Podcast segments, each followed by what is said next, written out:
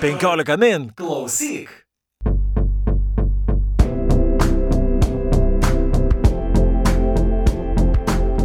Sveiki gyvi, su jumis sveikinasi tinklalaidė perskaitimai ir, kaip visuomet, prie mikrofono esame mes, aš Audrius Ožalas. Ir aš Juratė Čarškutė. Ir šiandien pakalbėsime apie rašytoją, kuri tikrai lietuvių skaitytojams yra puikiai žinoma ir labai mėgstama. Tai yra rusų rašytoja Marina Stepnova ir jos naujausias romanas Sodas. Ir šiandien pas mus studijoje yra šią knygą iš rusų kalbos vertusi Dalia Saukaitytė. Labadiena. Labadiena. E, taigi pasakiau, kad Marina Stepnova yra labai mėgstama lietuvių skaitytojų ir Na, aš manau, kad tikrai neperdėjau, nes šitą rašytoją lankėsi ir Vilniaus knygų mugėje, kur sulaukė labai didelio dėmesio. Ir prieš tai buvo išleisti dar du jos romanai, tai Lazario moteris ir Italų pamokos. Ir abu šie romanai, be abejo, ypač Lazario moteris, sulaukė tikrai didžiulio pasisekimo. Na ir pati rašytoja apsilankiusi Vilniuje ir kai teko su ją kalbėti, tuo metu jinai sakė, kad na, iš tikrųjų tokio skaitytojų susidomėjimo kaip, kaip Lietuvoje jį labai retai sulaukia, net ir savo gimtinėje. Ir man atrodo, ir, ir, ir jums dalėt, paskui, kai darė, davė interviu, irgi minėjo lygiai tą patį, kad e, tokių aistringų skaitytojų kaip Lietuvoje, na, iš tikrųjų reikia dar paieškoti jai. Tačiau pradėsime visgi nuo to turbūt klasikinio klausimo. Šis romanas, kaip jis pateko jums į rankas ir kaip jūs, e, na, ėmėtės jo versti? Tikrai nebuvo jokios intrigos, man paskambino iš leidyklos Tito Alba ir pasiūlė šitą knygą verst. Kadangi Marinos Stepnovos pavardė man buvo žinoma, tai aš labai apsidžiaugiau. Ir žinoma, sutikau tai padaryti. Ir taip atsitiko, kad tuo metu toks laisvas e, tarpelis buvo tarp mano darbų, tai ta knyga buvo labai greitai ir išversta. O jūs prieš tai jau buvote be abejo skaičius jas. Na taip, žinoma. Jūs skaitėte, beje, man iš karto labai įdomu, ar jūs skaitėte originalo kalbą ar vertimus? Originalą. O lietuviškų vertimų neskaitėte, ar ne? Deja, neskaičiau, nors parulskio vertimą tikrai vertėtų turbūt paskaityti. Nes e, būtent Stepnovo ir, e, ir, ir tuo metu, kai ėmiau iš jos interviu ir sakė, sakė, aš sugaunu tiek puikių atsiliepimų, na, kai buvo tuo metu išleista Lazario moteris mm. knyga, ir jis sakė, ir aš po to pasidomėjau, kas gyvertė į lietuvių kalbą mano romaną, ir aš sužinojau, kad tai yra labai gerai žinomas Lietuvoje rašytojas Sigitas Parulskis, ir tada man viskas tapo aišku. Mm. Ir jis visuomet pabrėžė, kad romanai yra ne tik jos pačios darbas, bet ir be abejo vertėjų. Na ir Lolijos Purgienės italų pamokos irgi vertimas, man atrodo, yra visai, visai geras ir, ir tiesiog, man atrodo, kad iš tikrųjų jai pasisekė su visais trim vertėjais į lietuvių kalbą nes visi trys vertimai, bent jau mano nuomonė, yra puikus. Ir čia yra turbūt dar įdomus dalykas, kad Marina Stepnova yra iš tų retų rašytojų, kurie iš tikrųjų labai daug kalba apie vertėjus ir jinai netgi įsako interviu, kad na, ten beveik 70-80 procentų sėkmės priklauso nuo vertėjo. Ir dalį jūs jau užsiminėt, bet man tai pirmiausias klausimas, kuris kyla skaitant šitą knygą, Ir ko gero, aš sakyčiau, kad šitos knygos pagrindinis veikėjas, man bent jau asmeniškai, tai yra kalba, ta tokia, pacituosiu nacionalinės premijos laureatę Dantę Kalinauskaitę, kuris sako, gruntauna, tokia ir barokiška, ir aš kažkaip galvojau, kad čia toj kalboj ir kažkokia tokia sodri tapyba, Rembrandtas ir visa kita, tai iškart norisi klausti, kaip jums sekėsi versti ir galinėtis, nors jūs pasakėt, kad labai greitai išvertėt, nes štai Stepnova pati sako, kad ji rašo labai sunkiai ir labai lietai ir kad jinai įrėsi per tą žodžių jūrą. Tai Sakau, kad mėgsta čiupinėti su kiekvienu sakiniu, tai ir jums verčiant irgi teko čiupinėti su, su kiekvienu sakiniu. Žinote, su šitą knygą vyko įdomus dalykai. Šiaip jau aš manau, kad vertėjas turi būti chameleonas. Tai yra amato reikalavimas ir jeigu šito nenori ar nemoki padaryti, tai geriau ir nekišt nagų prie vertimo. Vertėjas turi prisitaikyti prie autoriaus kalbos. Kiek jam tai pasiseka, tai ir lemia sėkmę vertimo. Kita vertus, vertimas visada yra šiokia tokia kova su kalba. Grumtynės, to žodžio minkimas. Tai va šiuo atveju buvo mane ištiko reta, pas, retai pasitaikanti vertėjams laimė. Nei man reikėjo keisti spalvą, taikytis prie stilistikos, prie kažko, kas man yra svetima. Šita knyga mane tiesiog pagavo. Tai buvo absoliučiai mano stilistika, mano knyga. Ir tai buvo ne kova su kalba, tai buvo šokis su kalba. Kaip ir ten man pavyko pašokti, kitas reikalas, bet aš jaučiausi tikrai ne kovojanti, o šokanti. Tai iš tikrųjų retai pasitaikantis dalykas, tai buvo pasilgusi tokio, mm. tokio jausmo. Ir nuo pirmo iki paskutinio puslapio šitą knygą, nu tiesiog su džiaugsmu šitą darbą dirbu. Ir e, kalba irgi, jūs sakote, kad e, kalba jos yra, na, labai svarbi jai yra kalba ir jinai netgi yra, sako, kad man kaip skaitytojai visada svarbiau yra kaip parašyta, o ne apie ką parašyta. Ar Stepnovas atveju nesigauna taip, kad jos tas, nenorėčiau pasakyti žodžio žaidimas, bet jos tas žongliravimas e, kalba tampa svarbesnis už turinį, nes, na, kai kurie rašytojai iš tikrųjų mėgsta susižaisti. Na, mano, mano įsivaizdavimu, kad Stepnova visgi sugeba uh, na, dažniausiai bent jau sujungti vis, abu šitos tiek turinį, tiek kalbą. O kaip jums pasirodė? Mano galva tikrai taip. Tas e, kalbos sodrumas, turtingumas, tai mano galva yra didžiausias privalumas. Kita vertus, aišku, nuo antikos laikų mes jau nebelabai turime pasakyti ką naujo, galime tik tai kaip pasakyti, nebe ką pasakyti. Stepnovos kalba, nu, ji yra įsimylėjusi kalba. Ta patį kuklė galėčiau pasakyti ir apie save. Ir dar galiu pasidžiaugti, kad lietuvių kalba yra velniškai turtinga. Taip, kad bėdos tikrai nebuvo. Reikėjo tik tai kažkokį šliuzą atidaryti ir ta kalba pasileido. Nu, bet man tai pasirodė. O, nes aš norėjau klausti, yra tokių fantastiškų žodelių, kurių iš tikrųjų mes per tą savo tokią pilką kasdienybės banalybės kalbą net buvom pamiršę. Ir aš kažkaip galvoju, ar jūs tikrinotės žodynę? Pasitikrinti ant kokį ar kirtį, ar ten rašybą visada ne pro šalį. Bet, nu, nereikėjo man vargti. Tai tiesiog čia mes tokį nuostabų dvigubą duetą gavom. Tai aš jums sakau, kad tai buvo stebuklas.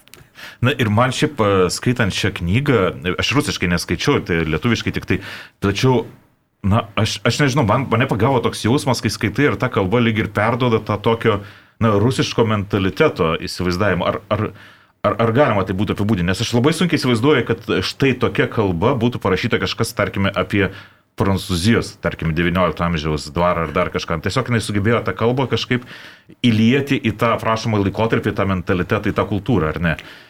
Tai be abejo, nes jį jų kalba, kalba rusiškai, rašo, rus, jį jaučia rusiškai ir galvoja rusiškai. Ir kiek vertėjui pavyksta tai perduoti, tai tada čia jau nuo to vertimo ir sėkmė priklauso nuo to. Na, o jūs sakėte, kad skaitėte ir kitas e, jos knygas ir sakykite, o kaip skiriasi šios knygos kalba, apie turinį mes dar pakalbėsim, bet kaip šios knygos kalba skiriasi nuo ankstesnių? Sakyčiau, kad šita yra turtingesnė, tokia, nu jau visai jau tokia sodri, kad per smakrą varva. Kitur irgi matyt, kad tai yra stilistai, matyt, kad tai yra filologinis žmogus. Nepaslėpsi šito, graži ta kalba, tas sakinys gražus, raiškus sodrus, turtingas, bet čia jau, nu čia jau jį padarė viską, ką galėjo.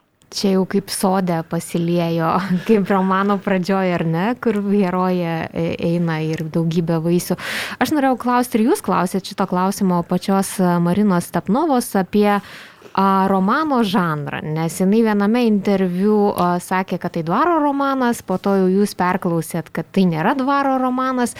Ir aš galvoju, ar ji čia koketuoja, nes jis sako, kad ir nėra šeimos romanas, nors romano struktūra yra pagal šeiminę sąrangą, skyriai yra šeimos nariai, motina, tėvas, dukra. Aš kažkaip, žinot, besiroždama šitai laidai dar pažiūrėjau, kas išėjo tais 1869 metais, kada prasideda šito romano veiksmas. Tai aišku yra ir romane e, minima apie Levo Tolstojaus karą ir taiko paskutinėje dalį. Tada yra Flobero jausmų ugdymas ir man kažkaip visi šitie dalykai taip susiveda ir tada aš suprantu, kad šitame romane visko yra. O kaip jums atrodė verčiant? Absoliučiai lygiai taip pat.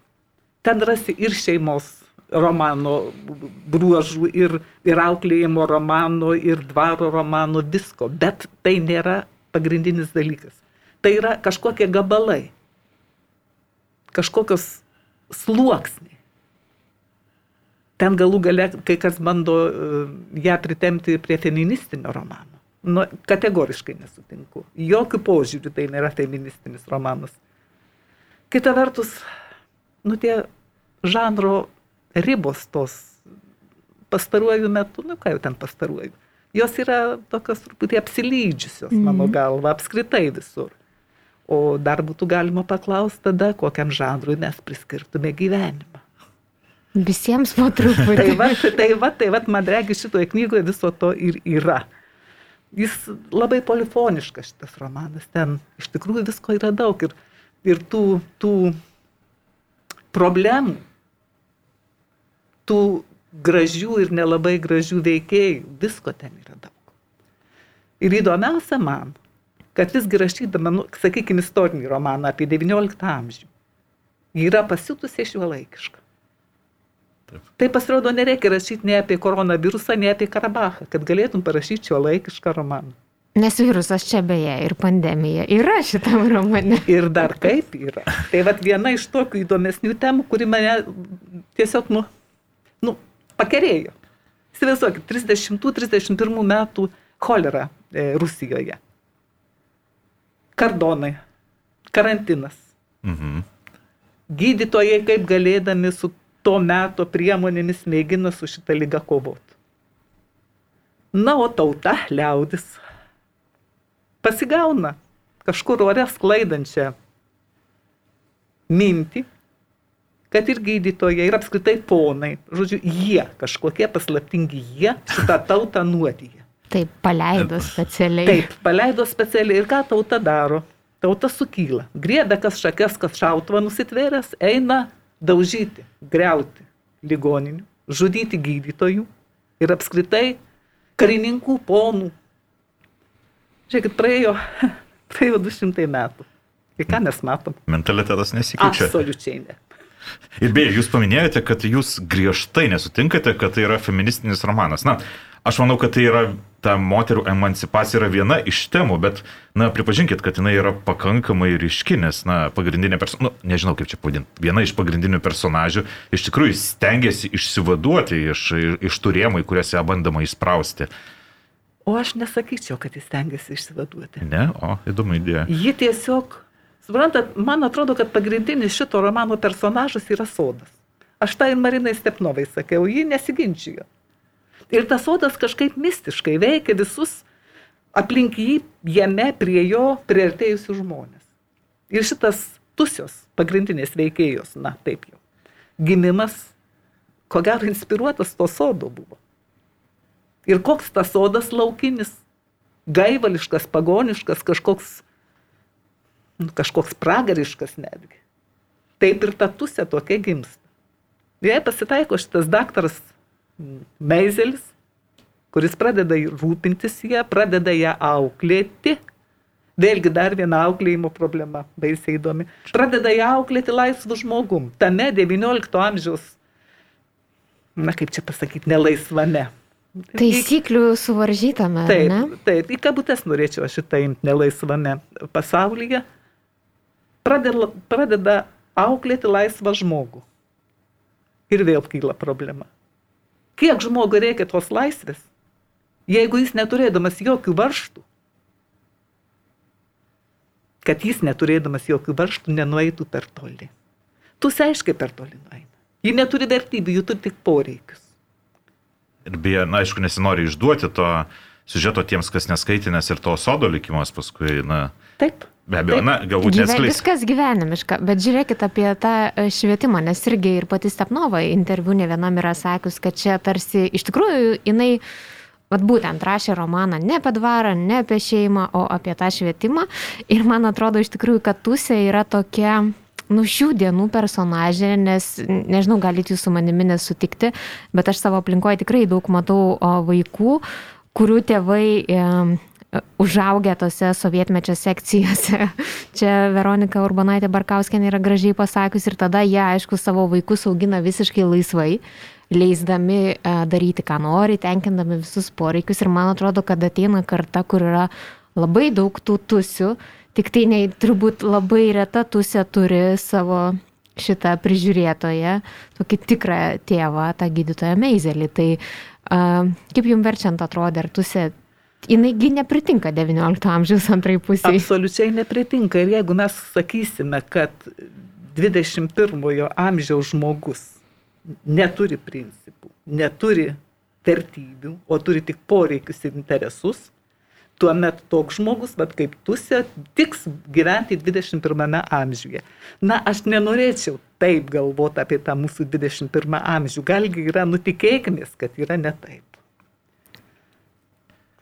Tačiau visgi ir kontekstas yra šešto vietoje svarbus, nes e, yra vienoje vietoje sakoma, na irgi čia galbūt nebus labai svarbu, jeigu užduosiu, kai Tusė nori tiesiog mokytis e, ir, ir, ir jai buvo visą laiką aiškinama, kad na moteriai tai nepridera. Ir ten yra netgi toks vienas sakinys, kad galbūt kitose šalise ir, ir, ir tai galėtų būti, tačiau tik ne čia Rusijoje. Tai vėlgi įmetė dar ir tą tokį kontekstą, kad Rusija yra kažkiek e, kitoks požiūris. Žinote, bet ten yra dar vienas sakinys e, Stepnovas toje knygoje. Gera ar bloga moteris, jai vis tiek reikia lasdos. Ir šitas požiūris ne tik Rusijoje paplitęs, jis buvo paplitęs visoje vakarų Europoje. Tai bendras požiūris toks, o iš tikrųjų kalbėti apie arklius e, kur ten žirgyną steigti, išmanyti tokius dalykus. Nu, tai apskritai buvo nemoteriška. Nors vėlgi, romane apie tai irgi užsimenama. Tusė nebuvo moteriška. Anaip tol ir tuo ji netgi atbaidydavo potencialius kavalierius. Nemoteriška. Ji buvo šito laukinio sodo padaras. Vyrų ir moterų santykiai čia irgi galima būtų pažiūrėti, kad, kaip jūs sakote, kad kiekviena moteris na, reikalauja lasdos, bet jeigu žiūrėtume kunigaikštienę, ar ne, kuri mhm. paima dvarą į savo rankas ir tas kunigaikštis tiesiog išvažiuoja, nesupranta, kad jo čia visiškai nereikia. Tūsios irgi santykis su vyru, irgi jisai yra, na, ne tai, kad po padu, bet jis tiesiog e, irgi atlieka tam tikrus poreikius, nedaugiau. Tiesiog e, jinai reikia labai dėl konkrečių priežasčių tų vyro. Tai... Žiūrėkit, mano galva, mano galva kunigaikštienė Boretinskaja nelaiko dvaro savo rankose. A, -a. ji tik tai daro tai, ką jai linkteli Meizelis. Na. Meizelis sugalvojo, kad ten įsteigtų keulių fermą ir, ir, ir ten dar kažkokį fabrikėlį. Ji tai padarė. O ten stipri moteris yra tik viena. Iš tikrųjų stipri ir sakyčiau, gal net nu, teigiamas personažas. Tai va tas siuvėja arbuzicha. Mhm. Tusios aš nelaikyčiau stiprią moterimi. Ji yra gaivalas. Ji yra gaivalas, kuris šluoja viską nuo savo kelio ir, ir sugriauna visą tą pasaulį. O beje, kaip jūs išvelgtumėte būtent tą žirgų simboliką? Ar tai tiesiog buvo pasirinkti, kodėl buvo pasirinkti būtent žirgai, kaip jūs įsivaizduojate? Žinot, man regis, kad dėl to, dėl to žirgai buvo pasirinkti, kad vat, Marina Stepnova savo interviu pasakojo, kad jie augo uh, toje vietoje, kur būdavo, buvo veisiami orlovo ristūnai. Ir tuos orlovo ristūnus ji nuo vaikystės matė. Ir mat jie, jai, nu, patiko šitas vaizdas. Nu, ir pabandė jį realizuoti knygoje. Nu, šiaip jau žinoma, žirgas arklys tai visada yra susijęs su kažkuo ne, ne, nevaržomu, nevaldomu, energija, nu, tokie dalykai. Laisvė kaip ir laisvė. Tuse. Kaip ir laisvė. Gal bet, net nežabota laisvė. Bet beje, tie santykiai tusios su žirgais, man atrodo, kad na, yra tokie vieni iš jautriausių visoje šioje knygoje, nes, na, atrodo, kad tusė, kaip jūs sakote, neturi tik savo poreikius, jinai iš esmės, na, kitų žodžių galima būtų pasakyti egoistė, ar ne, tarkime. Tai egoistė, bet jos va, tas jautrumas žirgams, jis, na, kažkiek priduoda šilumosios charakteriui. Ji myli tik vieną dalyką Taip. šiame pasaulyje - arklius. Daugiau nieko. Ir visą kitą aukoja dėl šito savo nu, aistros apsėdimo, įgeidžio, vadinkim kaip norim. Tai žiūrėkit, trečios dalies, dalies pirmas sakinys ir yra, iki šešių metų tu tikėjo, kad jos tėvas bojarinas. Taip. Čia kalbama apie žirgą. Taip. Bet vis tiek dalį aš dar noriu jūsų paklausti. Mm, Nes apie tą dvarų romaną aš noriu vat, išsiaiškinti šitą reikalą iki galo. Kokius siužeto, nežinau, ko, kokį siužetą turi turėtas klasikinis dvaro romanas, nes mes lietuvių literatūroje nu, tikrai neturim tokio, tokio žanro dvaro romanas, o čia vis tiek turbūt mes kalbam apie rusų tą tradiciją XIX amžiaus antros pusės ir gal net XX pradžios, ar ne? Labai trumpai, man regis artimiausias toks, nu, į akis krintantis panašumas Stepnovo sodo būtų su Čechovo vyšnių sodu. Mm -hmm. Betgi tas panašumas yra tik išorinis. Jeigu vyšnių sodas yra sunaikinamas šiaip ar taip dėl susikloščiusių išorinių aplinkybių, tai Stepnovo sodas žlunga grinai dėl psichologinių dalykų. Bet čia aš tą esminį skirtumą ir matau. Žodžiu, su, su XIX amžiaus rusų klasika Stepnovos ryšys yra artimas, jį labai myli e, Tolstojų. Taip. Bet, bet tai yra, šitoje knygoje jį daro tokį, gana santūrų reveransą Mhm. mm, tai literatūrai ir iš karto nuo jo atsitraukia. O jeigu reikėtų, na gerai, galbūt šiek tiek pakeisiu temą, jeigu reikėtų rasti ryšius su kitais jos romanais, ar jūs rastumėte kažkokias gyjas, na, tematinės, siužetinės, kažkokias, kurios pinasi per visus romanus? Ar, ar, ar, ar, jūs galėtumėte kaž, kažką Žinot, išvesti? Pati Stepnova yra šitą klausimą kažkokiam interviu atsakys. Jis sakė, kad chirurgas yra e, romanas, e, romanas apie nemailę, Lazario moterys yra romanas apie meilę, o sodas yra romanas apie meilę ir išdavystę. Tos meilės yra kitokios. Vat šitam romane meilė, nu, tai yra visų pirma tų dviejų žmonių. Daktaro Meizelis, daktaras Meizelis beprotiškai, baisiai netgi, pamilsta va šitą vargšę mergaitę, kuri gimsta nebylė. Ir kuris iš esmės, atsiprašau, jis išgelbėja Taip, jos taip, taip, gyvybę taip, nuo... Taip, taip. Ir va šitą jo meilį prakalbina nebylę, bet kartu sukuria ir monstrą. Sukuria monstrą, kuriai, kuriam nėra nieko svarbiau už jos pačios poreikius ir įgūdžius. Bet jūs e, taip e, labai sakote tokius žodžius monstras, aš įsivaizduoju, kad daugybė skaitytojų patinka netgi šitas personažas, ar ne? Ir kaip, kaip aš, taip, aš, aš tai jūsų klausau ir galvoju, kaip skirtingai gali tą pačią knygą perskaityti kiti žmonės. Aš ar... manau, e, teko skaityti rusų internete apie šitą knygą atsiliepimus. Viena moteris, kaip norėčiau, kad mano dukra būtų tokia, jai tada vadinasi niekas negrėstų, jis sugebėtų apsiginti šiame pasaulyje ir viskas būtų tvarkoj. Nu jo, kita rašo, neduok dievė, kad mano dukra būtų tokia. Tai, tai aš tai norėjau pasakyti, nes aš irgi skaičiau nemažai atsiliepimų ir, nema, ir ne viename iš jų irgi pabrėžė, kad, na, štai tūse, kiti personažai, na, jo, jie tokie vis tiek apriboti, jie, o jinai yra laisva, besiveržinti, tai visa kita. Tai kas, vadinasi, kiekvienas, kas ko nori iš tikrųjų iš tų personažų ir kaip save įsivaizduoja toje situacijoje, turbūt pagal tai galbūt irgi vertina. Greičiausiai, kad taip. XIX amžiaus antroje pusėje, na, egzistavo tokie dalykai kaip garbės supratimas. Inteligentas, nu, juo labiau aristokratas. Būdavo, jeigu jis kažką padaro, tam tikrą ribą peržengia, jis turi nusišaut ir nusišaudavo. Arba jeigu jis peržengia tam tikrą ribą, jį iškviečia į dvikovą ir jie šaudosi. Mes prie to ne, čia nebeišeisi mums grįžti, o kitą kartą gaila. Bet beje, aš dabar jūsų klausydama pagalvojau, šitam romane dvikovos, tai Ne, ne, nėra. Ne, ne. Kadangi, kadangi šitas romanas, nu, jis yra visgi šiuolaikiškas romanas. Ir ten nėra kam kautis, ten yra vienas žavus vyriškis, irgi antrailis veikėjas, Saša Uljanovas, būsimojo Lenino vyresnysis brolis.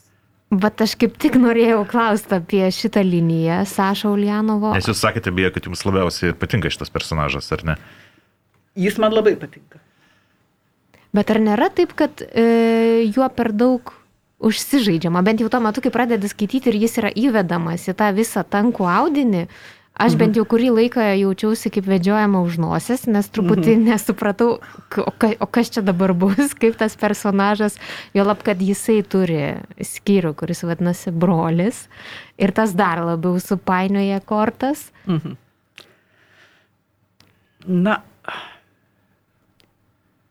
šitą istoriją su Saša Uljanovu ir jo draugu Radovičiumi veda vėlgi prie vienos iš tokių esminių problemų keliamų šitame romane, prie išdavystės problemos. Tai ar ten ilgai žaidžia tuo Uljanovo, ar trumpiau, man atrodo, kad, na, na, ne tai svarbiausia. Gal ten, žinoma, nu, pradėjus kabinėtis, gali prie visko prikipti. Bet va šita išdavystės problema yra, irgi labai yra ryški. Nu, išdavystė yra toks reiškinys, kuris visose kultūrose visais laikais buvo neigiamas. Buvo, bet dėje mes visi ko gero kartą kitą esame ką nors išdavę. O- Ir paskui bandom su šituo kažkaip susidoroti. Ir beje, jūs e, sakote, kad e, šitas personažas jums artimas, o kiek jis yra istoriškai pagristas? E, Apie Sašą Uljanovą kalbate. Tai iš šitą klausimą man, man interviu yra atsakiusi Marina Stepnova. Istoriškai jis nėra pagristas, taip jau akivaizdžiai, tik tai tiek, kad visiškai nėra motivuotas Uljanovo, Sašos Uljanovo tokio kelio pasirinkimas. Jis buvo daug žadantis mokslininkas. Jam Mendelėjevas žadėjo puikią karjerą mokslinę. Politikai jis iš vis nesidomėjo. Ir staiga nei iš šio, nei iš to, ne tik, kad pasuka į politiką, bet e, pasikeisinimas į carą. Tai vad šitos motivacijos nebuvimas ir dar tai, kaip jis elgėsi, kai tuos jau studentus pasikeisinusius į carą suėmė. Na, jis tiesiog savižudiškai prašė, kad visi draugai verstų kaltę jam. Tai va šitie dalykai ir matyt privertė Stepnovą suprasti, kad kažkokia buvo jo gyvenime drama. Kažkokia didelė drama, nesuderinama su gyvenimu. O jūs e, irgi paminėjote, kad Stepnovos e, žodžius, kad tai yra apie meilę ir išdavystę. Na, išdavystę apie šitą dabar jau pakalbėjome, bet e, o kas jūsų nuomonė dar čia yra išdavystė kokia? Išdavystė tai pati didžiausia išdavystė, kuria eina per visą knygą, tai yra Meizelio išdavystė, kai jis būdamas studentas per tą mūsų paminėtą jau e, choleros epidemiją išdavė savo mokytoją. Kai rado nusiauptą, e, nusiauptą va šitų tautiečių e, choleros ligoninę, kai rado nužudytus gydytojus, jis tiesiog, nu jis buvo jaunas, labai galima mes ieškoti visokių pateisinimų, jis pabėgo. Jis pabėgo ten kažkur kokiuose, nežinia, pakampėse slapstėsi, gėrė be saiko, be proto. Ir visą gyvenimą negalėjo savo šito pabėgimo atleisti. Ir beje, e, kai aš klausiau apie tai, kas sieja visus jos e, romanus, ir aš galvoju, viena iš tokių, ne tik temų, bet profesijų, tai yra gydytojai, ar ne? Na, aišku, galima būtų paaiškinti, nes pati Stefnova sakė, kad e, na, kažkada norėjo tapti gydytoja, tačiau turbūt tai nėra vienintelė priežastis, ką, ką priduoda jos romanams. Būtent ši profesija. Tėvas, žinau, aš manyčiau, kad mums turbūt reikėtų pasitenkinti Stepnovos atsakymu. Ji svajojo ir dabar tebe svajoja, nu žinoma, jau dabar jau šaukštai po piet apie gydytojo profesiją. Jos vyras yra gydytojas, jos tėvas buvo gydytojas. Ir sakė pati turinti klinicistės duomenų. Tai galbūt tas gydytojo buvimas labai arti žmogaus fizinė prasme. Gal jai padeda priartėti ir psichologinė prasme. Nu, žodžiu, taip yra. Ir gal tai ir parodo tas Meizelio personažas, gydytojas, kuris žino visas uh, gydimo ir auginimo kažkokias taisyklės, ar ne tam tikrą prasme pralaimi savo didžiąją kovą su tuse, jeigu galima taip sakyti. Ir man kas yra vėlgi žavu, ką Stepnova padaro šitame romane. Uh, jį aš taip laikyčiau ir tuo uh, bildungsromanu, augimo arba auginimo romanu, ar ne, nes Meizelis būna lygiai 18 metų nuo tos minutės, kada jis pakviečiamas gelbėti mažosios tusios gyvybės ir įsikūrė visiškai šitame dvare, sakykim taip, ir iki to, kad va, 18 metų ta tokia griežta riba. Ir vėlgi galima sakyti, kad tai yra, nu, aišku, konstruktas, bet kita vertus tokia iliustracija tam tikrų dalykų. Na, taip, niekur nepabėgsi, visgi šita knyga tam tikrų aspektų yra auklėjimo romanas. Ir tas auklėjimas, kuris XIX amžiaus e, antroje pusėje atrodė neįmanomas, nepriimtinas, dabar jis visiškai madingas. Tas absoliučiai liberalus vaiko auginimas, na, ta sąmoninga tėvystė, kaip ten dabar vadinama yra. Tik tai kokie buvo sulaukti vaisiai tais laikais, tai kas čia žino, ar tie vaisiai nebus panašus ir šiais laikais. Bet e, tas auklėjimo tema yra iš tikrųjų svarbi, tačiau atrodo tarsi tokios prieštaros, nes, na, iš vienos pusės pusę matome visiškai laisvai auga, o toje pačioje knygoje mes skaitome, kad kiti vaikai tiesiog yra uždaromi. Ir, na, nesikiškite į saugusiųjų pasaulį, na, kai jūs ateisite protą, tada galėsite išlysti viešumą. Labai yra įdomus epizodas su e, Tusios tėvu kunigaikščiu Boretinskiu. Būdamas mažas berniukas, jis įspyrė aukliai už tai, kad tai jam kojinę avė. Pamatė šitai tėvas jo, pasėmė šitą pyplį, iškaršė kailį taip, kad jau auklė manė, kad ten jį jau ir pribaigs. Tada pasistatė ir paaiškino, ką reiškia būti kunigaikščiu, ką reiškia būti vyru, ką reiškia būti boretinskiu. Mhm. Į tave žiūri daug tavo protėvių kartų. Ir vienas nedoras tavo poelgis gali sutepti visą giminę, visą giminės vardą. Žmonės tada priklausė ne tiek savo, jie priklausė giminiai. Ir jautėsi atsakingi už jos gerą vardą, už giminės garbę.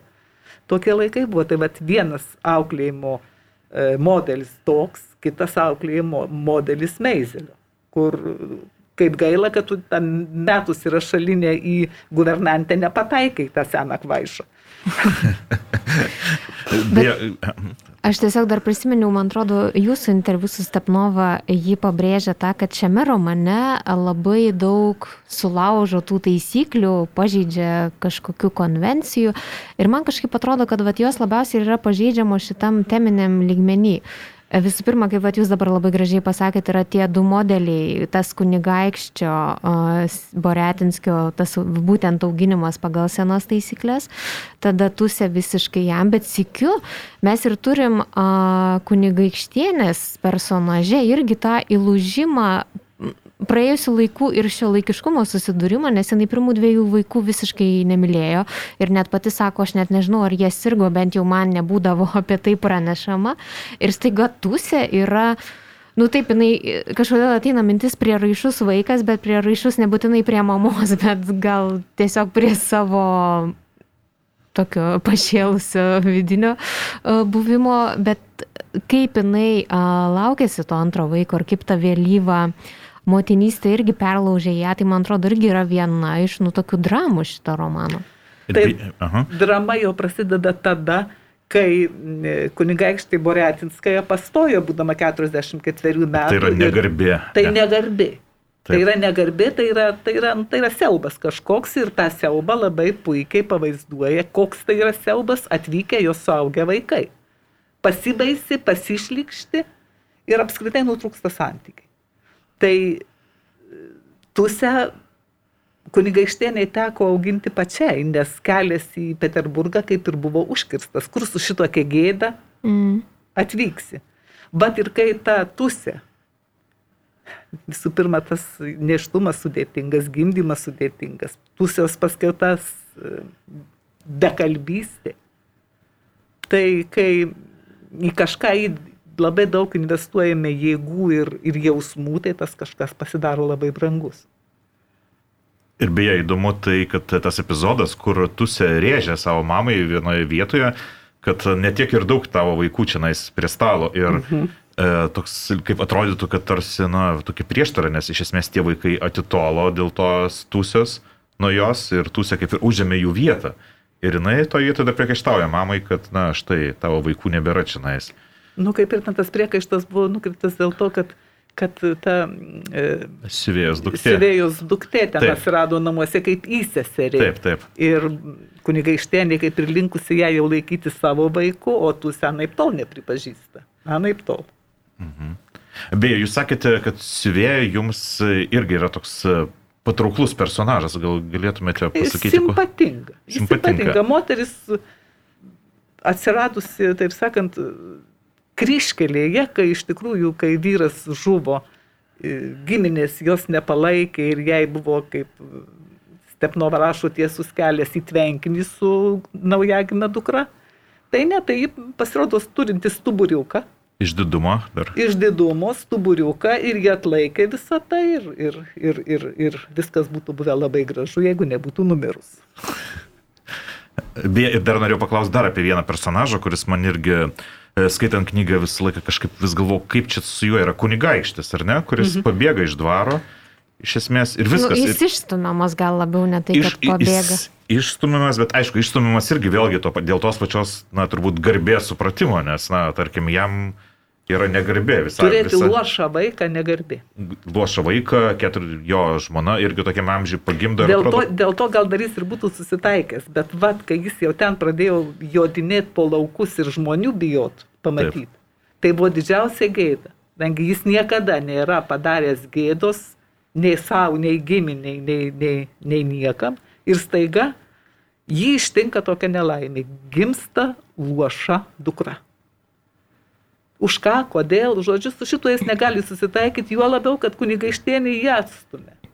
Atsiranda Neizelis, kuris dalyvauja visuose reikaluose ir tos dukters auginime, popinime, o kunigaikštis lieka atstumtas.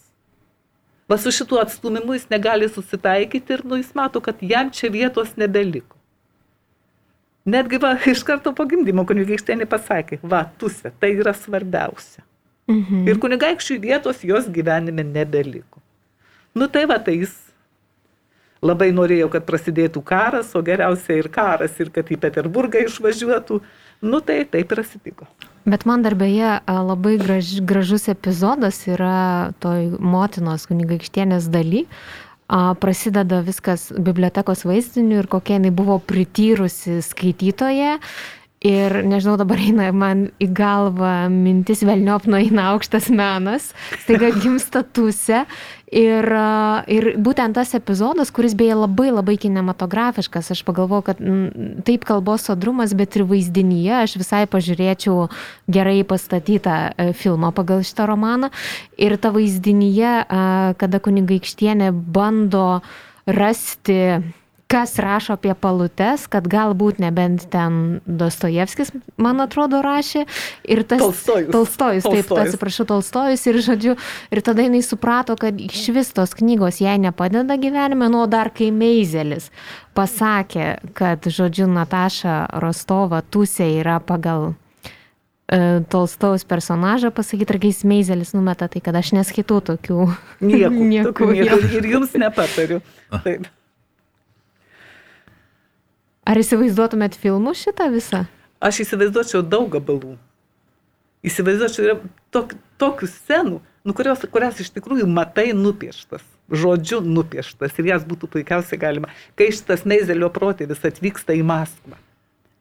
Atvyksta į Maskvą, e, sniegas, žiema, varnos karksinčios ir kažkokia bobelė, e, ručkė, e, užtraukia dainą, bet išsigasta girtų šaulių, šmurkštelį į savo urvelį. Nu taip, čia va sena, va čia va mm. imkite ir dėkite iš karto įrodykite. Aš tai visai norėčiau vizualiai įsivaizduoti, kaip yra e, statomas tas namas naujojo architekto, nes tai irgi pakankamai įdomus sprendimas ir, ir, ir rašytojai irgi ten rašo, kad architektas, kuris neturintis licenzijos netgi daryti mhm. tuos ir staiga padaro kažkokį visiškai šiuolaikišką projektą, Ir tos bokštelis atrodo irgi pakankamai, na, toks. Bet tas Boicovas istorinė asmenybė.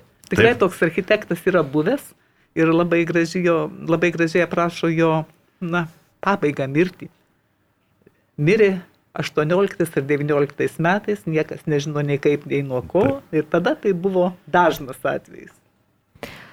Norisi dar grįžti prie jūsų vertimo ir klausti, smagumai, netikėtumai, nuotikiai ir ar jūs bendravot su pačia rašytoja, ar ten klausėt pasitikslint kažkokių dalykų? Su rašytoja aš pradėjau bendrauti, kai man užkliuvo epigrafe, kurį prisipažinsiu, labai nelengvai pavyko iššifruoti, nesupratau pradžioje, kokia čia kalba parašyta. Aha. Tas veidrodinis atspindys, o ten yra 17 amžiaus arklėgydžių vadovėlio ištrauka. E, užkliuvo porą žodžių. Nu niekaip aš neradau tų žodžių rusiškų, nėra tokių žodžių, bet yra panašus. Pasirodo tame arklėgydžių vadovėlyje, vadovėlyje kurio čia vat kelias eilutes e, Stepnova įdėjo į epigrafą tos knygos, buvo korektūros klaidos. Nu va, tai čia buvo pirmasis pastebėjimas, aš galvoju, nu, gal ten ta tusė tame veidrodyje šitai perskaitė, nu, bet kažkaip, nu, nu ne, ne, nesiklyjuoja. Tai aš jos paklausiau, kas čia buvo. Tai jie apsižiūrėjo gerai, matyt, pasitarė su redaktoriu ir pataisė. Taip, pripažino, kad tai yra korektūros klaidos. Tai va čia buvo pirmasis mūsų e, toks susipažinimas, o paskiau leidika paprašė, kad parengčiau interviu su Stepnova. Va tada mes pabendravom šiek tiek, šiek tiek intensyviau. Buvo labai malonus tas bendravimas man. Beje, mes jau kalbėjome šiek tiek apie palyginimus su kitais jos romanais. Bent jau man atrodo, kad e, šis romanas yra sudėtingiausias iš jos visų. Nes uh, iš tikrųjų, aš nekalbu net apie kalbinę, nes jūs sakėt, kad sudriausia kalba turbūt ir visa kita, bet man atrodo, kad net ir žiūrėti struktūriškai, iš tikrųjų, nes tų sužetinių linijų yra labai daug. Uh, yra tie personažų vertinimai irgi yra tokie, na, daugia prasmiai, kaip mes jau dabar vat, išsiaiškiname, štai tūsė įsivaizduojama vienaip, kitaip, sodo metaforos irgi galbūt kiekvienas suvokia vis kitaip. Tai man atrodo, kad e, iš tikrųjų tai yra na, daugiausiai plotmių, daugiausiai dugnų tokių turintis romanas iš jos, ar ne? Tikrai taip. Ir dar vienas dalykas. Man pavyko išpešti iš autorės pažadą, kad bus kita knyga sakė, netesinys. Prieš tai, e, kiek ten buvo interviu, visur kalbėjau, kad niekada gyvenime nerašys knygos savo tesinio. Niekada. Bet aš dabar matau, kad ten taip iš tikrųjų, va jūs sakote, visko labai yra daug. Daug siužeto, visokių linijų, daug veikėjų, kurie kartais atrodo, bet kažkas čia nepabaigta. Mhm. Ir tai jis, pabaiga. Tai jis sakė, kad bus romano tesinys jį tiesiog jau nebeapreipti. Tos medžiagos, kuri dar yra, ir tas romano tesinys, manau, turėtų būti labai įdomus, nes pagalvokime, kokie ten laikai, kokie laikai, tai ateina jau 20 amžius. Ateina 17 metai ir kas bus su tusios žirgynų, nu, žodžiu. O beje, kaip tik norėjau klausti apie šituos 17 metus, nes reikia paminėti, kad Dalė Saukaitytė 15 minučių knygos, knygų rinkimuose yra verstinių Rekordininkė. Rekordininkė, trys išverstos jūsų knygos yra. Ir man kažkaip, aš dar net nepradėjau skaityti e, Zigaro knygos Imperija turi mirti, man kažkaip atrodė toks kaip tolimas, bet kažkoks kontekstas su Stepnovos sodo. Ar galima taip galvoti, ar ne? Ir ar... Matot, e, kai pasibaigia Stepnovo sodo veiksmas, tai yra apie 1894 metus. Mhm. Kaip tik prasideda imperija turi mirti knygos veiksmas. E, tai veikėjai iš dalies tie patys. Tas pats va Leninas, kuris tada Stepnovos knygoje buvo tik įkyrus grevlas berniukas. Mhm. E, ir visi kiti, jie yra nu, to meto, to laikmečio žmonės. Ir ta vat, inteligento ir revoliucijos problema kuri Zigario knygoje labai tokia akivaizdi man ir po šiai dienai atrodo, kad inteligentų minkštakūniškumas buvo viena iš sąlygų leidusi bolševikams užgrobti valdžią. Tai va šitas XIX amžiaus inteligento paveikslas, na, inteligento gal, gal, gal Stepnova labiau apie aristokratus šiuo atveju kalbėjo. Bet šiaip ar taip, padoraus žmogaus paveikslas ten yra. Ir jungia šituos dalykus. Beje, kalbant apie šią knygą, aš dar norėjau vieną dalyką pasakyti, kad e, man atrodo šios knygos leidimas irgi taps tam tikru įvykiu mūsų leidybos istorijoje, nes ši knyga pasirodė lietuvių kalba anksčiau negu rusų kalba. Kas, e, na, mes labai džiaugiamės, kai vertimai pasirodo beveik tuo pačiu metu, kai originalų kalba čia mes iš viso aplenkėm pačius rusus. Čia nežinau, ar tokie atvejai iš vis yra buvę. Tikrai taip, aplenkėme, vos keliom dienom, bet aplenkėme. O kiek laiko, va aš vis tiek paklausiu, kiek laiko jūs užtrukot veršti šitą knygą, nepaisant to, kad šliuzai atsidarė ir viskas smagiai ėjusi? Žinot, aš dabar į kalendorių nepažiūrėjau, nu, bet nu, turbūt neilgiau kaip gerą mėnesį. Mėnesį šitą knygą. Taip, bet kadangi gyveno... nu, aš, negalėjau, aš negalėjau atsitraukti. Aš ten nežinau, ar valgiau ką. O beje, ar jūs manot, kad lietuvių skaitytams man visada kažkaip pritrūksta, aš matau, visi šneka apie tą jos romaną Chirurgas, kuris buvo mhm. pirmasis jos romanas. Ir ar pritrūksta jo, ir jūs beje savo interviu su Stepnova pradedat su klausimu apie poeziją. Mhm. Tai jūs, aišku, skaitėt ją ir, ir kaip Stepnovos poezija, ir ar manot, kad lietuviškai reiktų chirurgą turėti, pavyzdžiui? Žinote, Stepnovos poezijos aš neskaičiau, nes ji net ir rinkinio neišleido, ji tik tai keliuose žurnaluose. Mhm. Tiesa, kažkur periodikoje kokį eilėraštuką esu perskaičiusi. Bet e, man tiesiog buvo įdomu, kaip žmogus taip pat ėmė nukirto ir pradėjo rašyti, rašyti, rašyti prozą, jo labiau, kad, kad ta jos proza tai kaip poezija skamba. Mhm. Tai o dėl to chirurgo, chirurgo? Kaip, kaip jūs įsivaizduojate, reikėtų jo? Ar... Aš manau, kad kodėl ir ne. Kodėl ir ne. Bet jeigu lyginat, kaip, kaip jūs įsivaizduojat, kodėl neišleisęs, ar kaip jinai pati įvertina, ar vertina kaip tokią įžangą į savo tos didžiuosius Žinote, apie tai, apie tai aš nesu su jie kalbėjusi, o dėl išleidimo galimybių, tai ko gero reikėtų vėlgi su leidykla kalbėti, o aš mielai išverščiau, žinoma. Tai va, gal leidykla girdi, tai čia jau yra pasiūlymas. jo labiau, kad iš tikrųjų visi trys jos romanai sulaukė pas mus didelio dėmesio, tai manau, kad chirurgas irgi tikrai nebūtų nepastebėtas. Na ir da, aš dar norėjau dar vieną irgi tokį klausimą, galbūt ne visiškai susijusi su Stepnovo paklausti, nes jūs e, na, tikrai šokiravote mane pasakiusi, kad per mėnesį išvertė nu, čia. Per gerą mėnesį. Dar paskui, žinoma, buvo redagavimas, dar ten su redaktorė, su korektorė.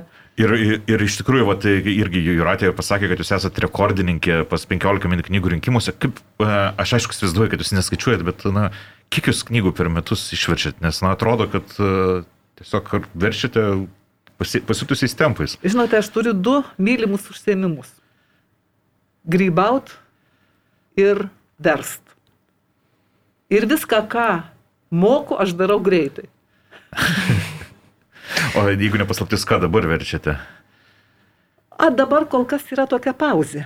Laukiu, laukiu lyg ir kažką man ten jau žada duoti. Aha. Nu, tai reikia langus išsivalyti. Na ir nežinau, šiaip man atrodo, kad e, šita knyga, aš nežinau, ar jūs jau girdėjote atsiliepimų daugiau apie, apie šį kūrinį. E, o tarkime, pas e, rusus irgi ten toj pačioj spaudoje, kaip, kaip rusai, yra vertinama. Rusai labai įdomiai vertina, bet Aha. iš karto galima nustatyti pagal vertinimą, kas vertina. Nu, taigi žinot, kai Jonas kalba apie Petrą, tai Taip. pasako apie save. Tai vieni absoliučiai nepriima. Nepriima? Nepriima, absoliučiai per daug naturalistiška. O. Per daug žiauru. Nu, kitiems atrodo, kad neaktualu. Kitiems trūksta tempo, dinamikos. Nusmentat, žmonės yra pripratę prie greito maisto, kur mm, nu, viskas greitai vyksta, reikia veiksmo, reikia muštinių, reikia O man kaip tik beje atrodo, kad šitas romanas net truputį per greitas tiem laikam.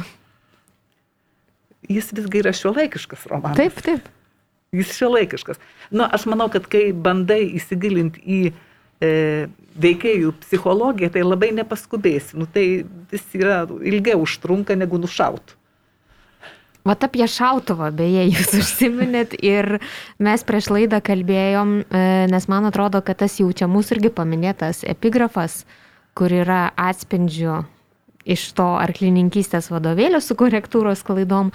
Man kažkaip vat, pritruko šitos linijos išplėtojimo, kad Tusė turėjo tą gebėjimą ir jinai išmoko skaityti per veidrodį, per atspindį ir jinai mokėjo skaityti, kaip čia dabar sakyti, atbulom. Mhm. Tai e, kažkaip šiek tiek pritruko to išplėtojimo. Kita vertus, patį tusios personažą galima laikyti kaip visiškai atbulą. Tai gal čia ir susiveda, ne, kaip manot? Tai šitas epigrafas toks ir čia pateiktas, bent jau autoriai taip aiškino, kad šita knyga apskritai viskas yra joje kitaip. Viskas atvirkščiai, net norėjau pavadinti ją kitaip. O kitaip. kaip gal išsidavė kaip? Kitaip. Kitaip. A, kitaip. kitaip.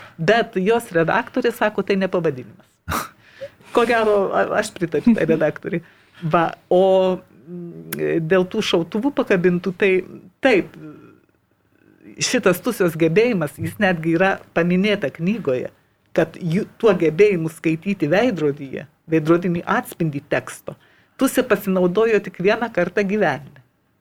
Man šitas įstrigo į galvą ir aš neradau, kad jį būtų šitam tekste kur nors tuo gebėjimu pasinaudojusi. Vadinasi, nu, nei redaktorė mm, Stepnovos, nei pati Stepnova negalėjo tokio dalyko praleisti netyčia. Vadinasi, tai padaryta sąmoningai. Tai vad paliktas ant sienos šautuvas ir jis išaus kitoje knygoje. Ir dar ten porą tokių tų šautuvų aš aptikau. Tai- Man tai gal beje, kaip tas neiššautas šautuvas yra beje romano pabaiga. Absoliučiai netikėta, kur staiga Taip, jau mes pabaiga. visi buvome pamiršę tą linija. raštelį ir staiga jisai šauna.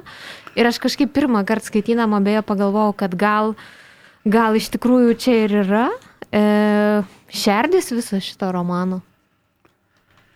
Meilė, Meilė. išdavystė, tai Čia apie ką mes ir kalbėjome. iš esmės Kažkaip, kažkaip, ir, kažkaip ir susipina ir užsidaro tas ratukas, tos meilės ir tos išdavystės.